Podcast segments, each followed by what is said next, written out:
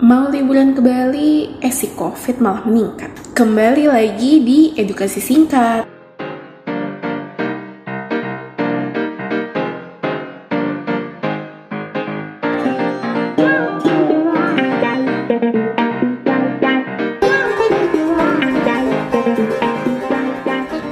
Bareng Tasya di sini kali ini kita bakal jawab pertanyaan dari akun at its asn underscore. Dia punya dua pertanyaan nih.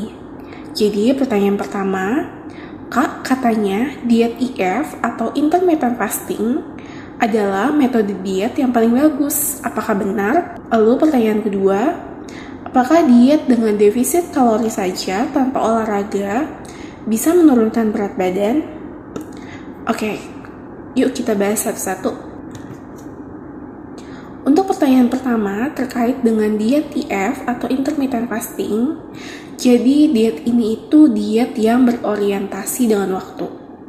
Metodenya itu biasanya kita akan disarankan untuk berpuasa dalam kurun waktu yang cukup lama. Jadi misalkan dalam waktu 24 jam 16 jam akan kita pakai untuk waktu berpuasa dan 8 jam sisanya akan kita pakai untuk waktu makan seperti itu. Jadi sebenarnya diet IF ini tuh punya banyak macam gitu. Jadi kalian bisa lihat, bisa cari dan kalau mau kalian lakukan, lakukanlah sesuai dengan kesanggupan tubuh masing-masing. Jadi jangan sampai baru pertama kali mencoba diet ini, kalian langsung memaksakan diri kalian masing-masing. Nah, untuk kita tahu apakah suatu diet itu adalah metode yang paling bagus itu sebenarnya sulit ya untuk menilai hal seperti itu. Karena dengan berbagai macam diet yang ada, semuanya itu memiliki metode dan tujuannya masing-masing. Jadi, kita nggak bisa nih berpatokan dengan hanya melihat angka yang ditunjukkan oleh timbangan saja seperti itu. Jadi kalau mau dibilang metode diet yang paling bagus itu adalah diet yang kita lakukan secara konsisten. Tapi tenang aja buat teman-teman yang mau ngejalanin diet IF ini, ternyata keuntungannya banyak juga loh. Jadi yang pertama, diet IF ini sudah terbukti dapat mengurangi berat badan kita 3-8% dalam kurun waktu 3-12 minggu.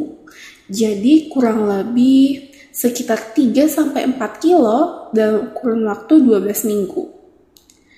Nah, keuntungan selanjutnya adalah diet IF ini dapat membantu proses pembakaran lemak.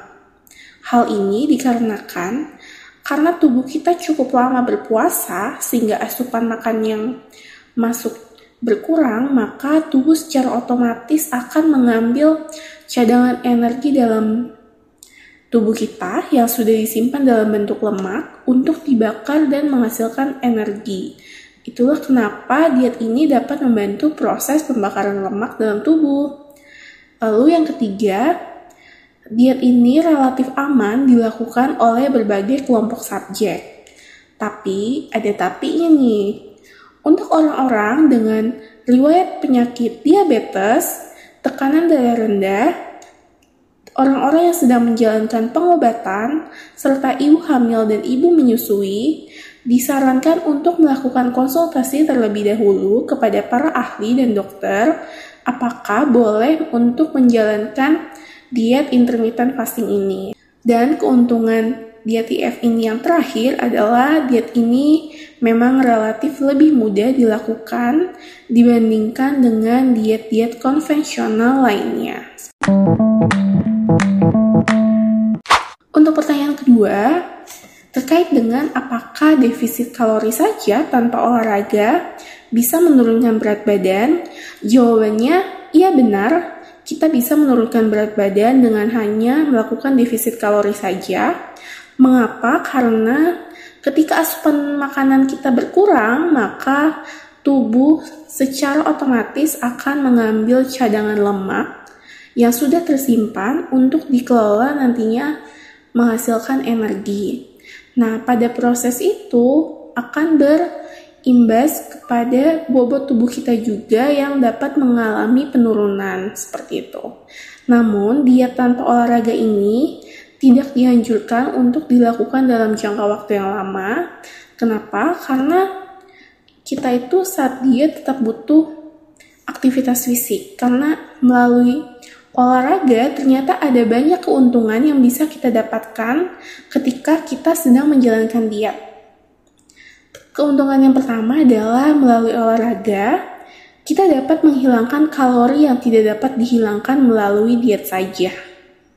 Lalu, olahraga juga dapat mempercepat metabolisme tubuh kita. Itulah kenapa ketika kita melakukan diet dengan olahraga, hasilnya akan lebih cepat didapat ketimbang kita diet hanya dengan mengurangi makanan saja, seperti itu. Lalu keuntungan olahraga lainnya adalah olahraga dapat memperbaiki komposisi lemak dan otot tubuh kita.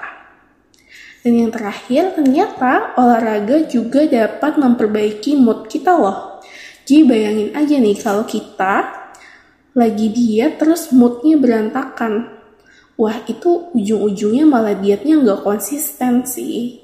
Malah jadi berhenti di tengah jalan nanti.